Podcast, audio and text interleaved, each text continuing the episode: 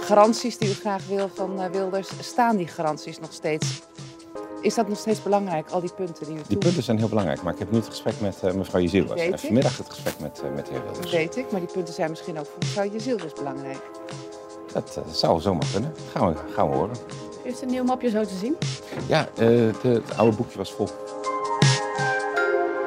Dit is Politiek Vandaag met Sam Hagens. Fijn dat je luistert. Het is vandaag een feestelijke dag hier in het Kamergebouw. 67 nieuwe Kamerleden worden geïnstalleerd. Er is een best wel gezellige welkomstlunch geweest. En de vraag die we bespreken in deze podcast: komt er met deze nieuwe samenstelling vanaf dag 1 dan ook echt gelijk rechtsbeleid? We geven een update natuurlijk over de laatste schermutselingen in de verkenning van Ronald Plasterk. Maar eerst introduceer ik graag mijn gast van vandaag, Peter K., politiek redacteur van BNN-Vara. Hoi Peter. Hey, hoi Sam. Hey, leuk dat je er bent.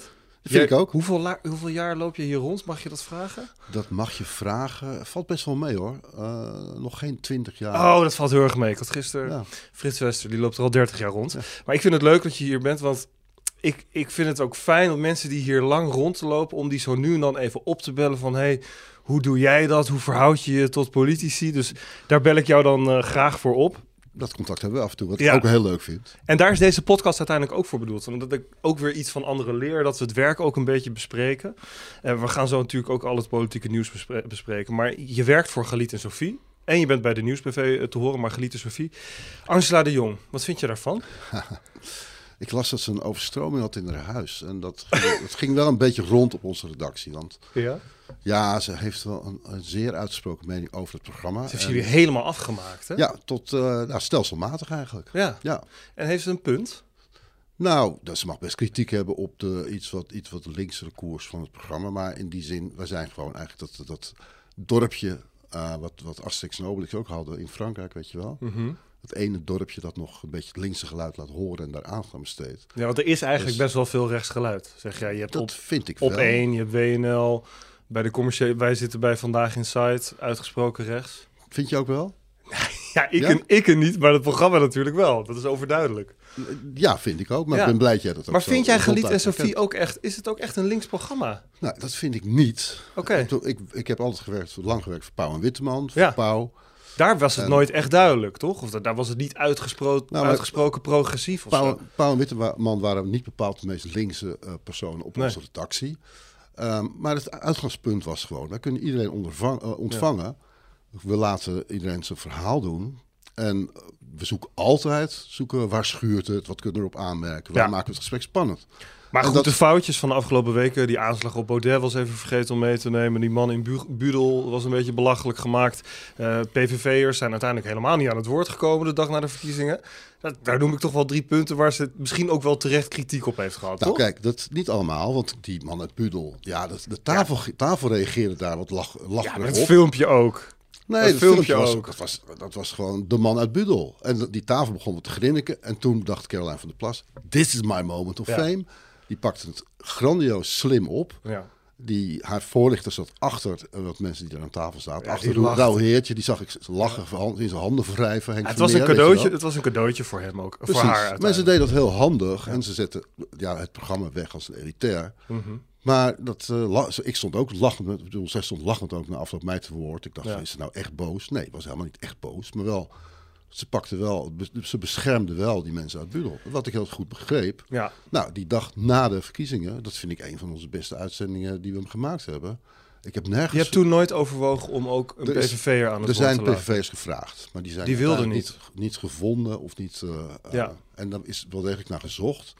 Maar als je verder kijkt naar het programma, was dat helemaal niet zo'n stemmingmakerij tegen deze uitslag of enorm doorgeslagen verontrusting. Er, was, er, was, er werd vrij goed geanalyseerd wat er nu gebeurd was. Ja, en die, ja. die Simon van Teutem uit eh, eh, Oxford, ja, uit Londen of uit Een- Oxford. Ja. ja. een jongen die echt heeft doorgestudeerd op rechtsextreme eh, bewegingen. Die zei daar hele zinnige dingen. Het was juist een ontdekking. 26 jaar en, en werd er neergezet door, door Angela de Jong als een koorbal. Ja, Hoe verzin je het? Die uitzending werd ook neergezet alsof er een gemeenschappelijke vijand in de PVV gevonden werd. Hè? Nou, als je- dat als je- vond Angela de Jong. Van ja, de PVV, je, je zet al die kiezers ook weg als, als, als een vijand. Nou, dat is niet waar. Kijk, en wat geliet uh, uh, KSM zelf deed, Mhm. Was vertellen over hoe het bij hem thuis werd ervaren. Ja, Wat ik heel moedig vond en wat hij heel erg uit zijn hart sprak. dat hebben wij in VI ook nog gesproken. Maar, Ja. maar goed, ik heb zelf ook wel eens een programma gehad wat dan veel kritiek kreeg en dan uiteindelijk moest verdwijnen.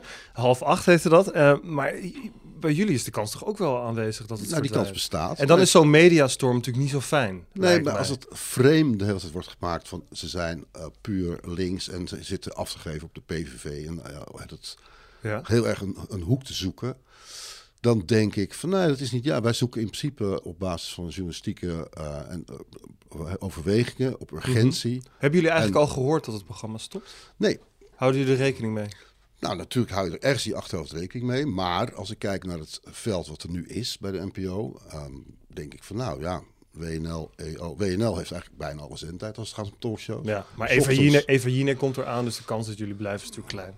Nou ja, je hebt ook nog, eh, je hebt ook nog verschillende slots op de, de avond. Dus Maar jij hoopt dat je oude programma op één weg gaat. Nou goed, we, gaan, we gaan met het mediaforum Sam, hier... je weet niet hoe het loopt. Nee, je weet niet hoe het loopt, maar dat is waar. Ergens, deze uitslag hangt natuurlijk samen met al die, al die media die we op dit moment hebben.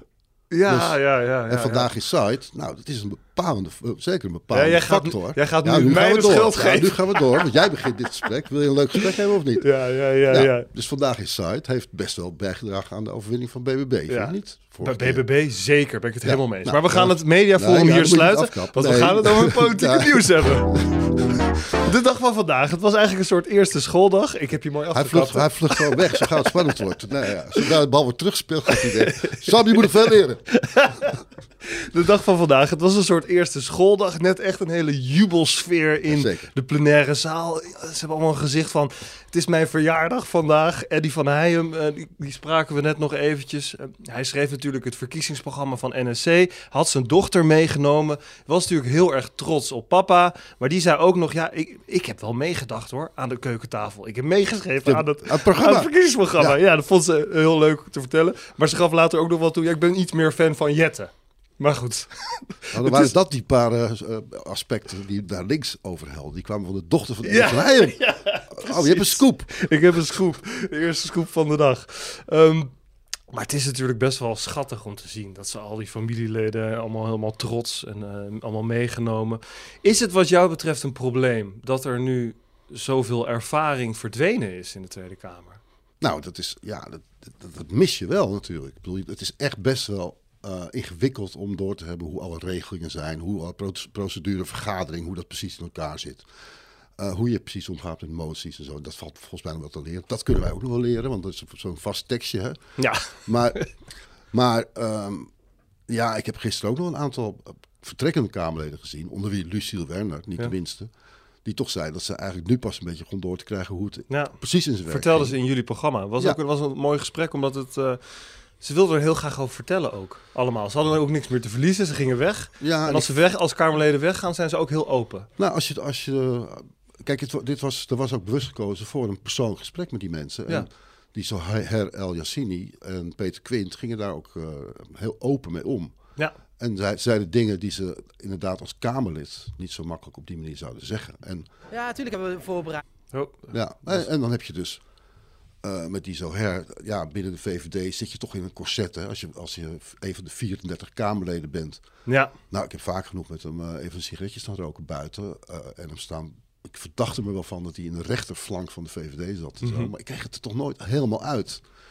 En hij was opeens heel open over hoe er werd opgegaan. Hoe Klaas Dijkhoff hem adviseerde over zijn kledingkeuze. En zo. Ja. Dat vind ik leuke dingen om te horen. Grappig dat je Klaas Dijkhoff noemt. Want Ik maakte even een foutje. Je hoorde Gijs Tuinman al er doorheen. Eh, Ik, ik, eh, we hebben natuurlijk die Kamerleden allemaal ook gevraagd. Van, ja, hoe heb je je voorbereid op deze dag? Op deze baan? En Klaas Dijkhoff wordt ook genoemd door Gijs Tuinman.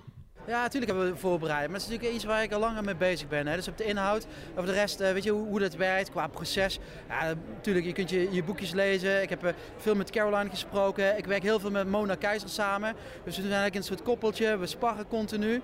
En eh, dat doe ik ook met eh, de ambtenaren die ik nog van vroeger ken en eh oud-gedienden. Ik heb me goed voorbereid met allerlei ja, corifeeën en, en oud-Kamerleden en ook eh bewindsvoerders, eh, bewindspersonen gesproken vanuit het verleden van eh, hoe werkt dat en eh, wat kunnen we eigenlijk uit, eh, uit meenemen. wie heeft u bijvoorbeeld gesproken? Nou, Klaas Dijkhoff bijvoorbeeld heb ik gesproken, eh Ank Bijleveld, eh, nou ja, Wat gaan we die voor tips? Nou, gewoon jezelf blijven. Maar volgens mij is dat mij wel gegeven. Is het een voordeel dat hij die mensen allemaal kent?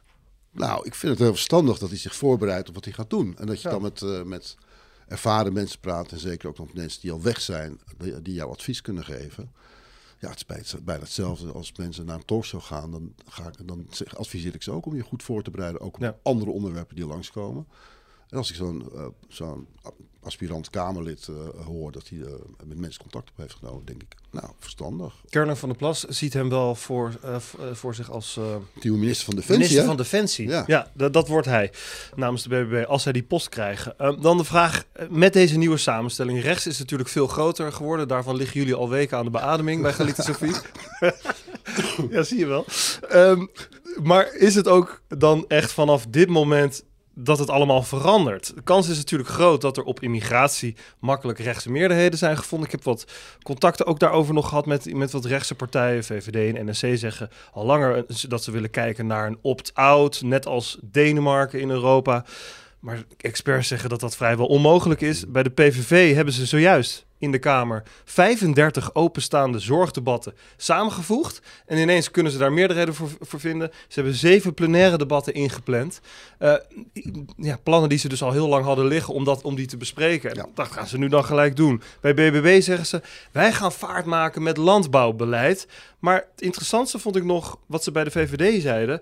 Wij hebben eigenlijk op dit moment nog niet bepaald hoe we met deze Kamerverdeling en de lopende formatie omgaan. Wat zijn natuurlijk twee dingen die naast elkaar bestaan. De Tweede Kamer is eigenlijk in de lead en moet beleid kunnen bepalen. Het kabinet is demissionair, ja, moet een beetje rustig aandoen.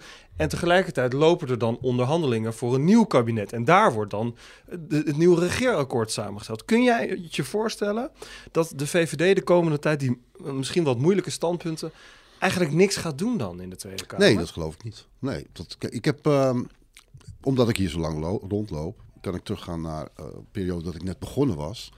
Toen haalde links een vrij grote, uh, een, nipte, een nipte meerderheid eigenlijk. Toen mhm. kon dat nog.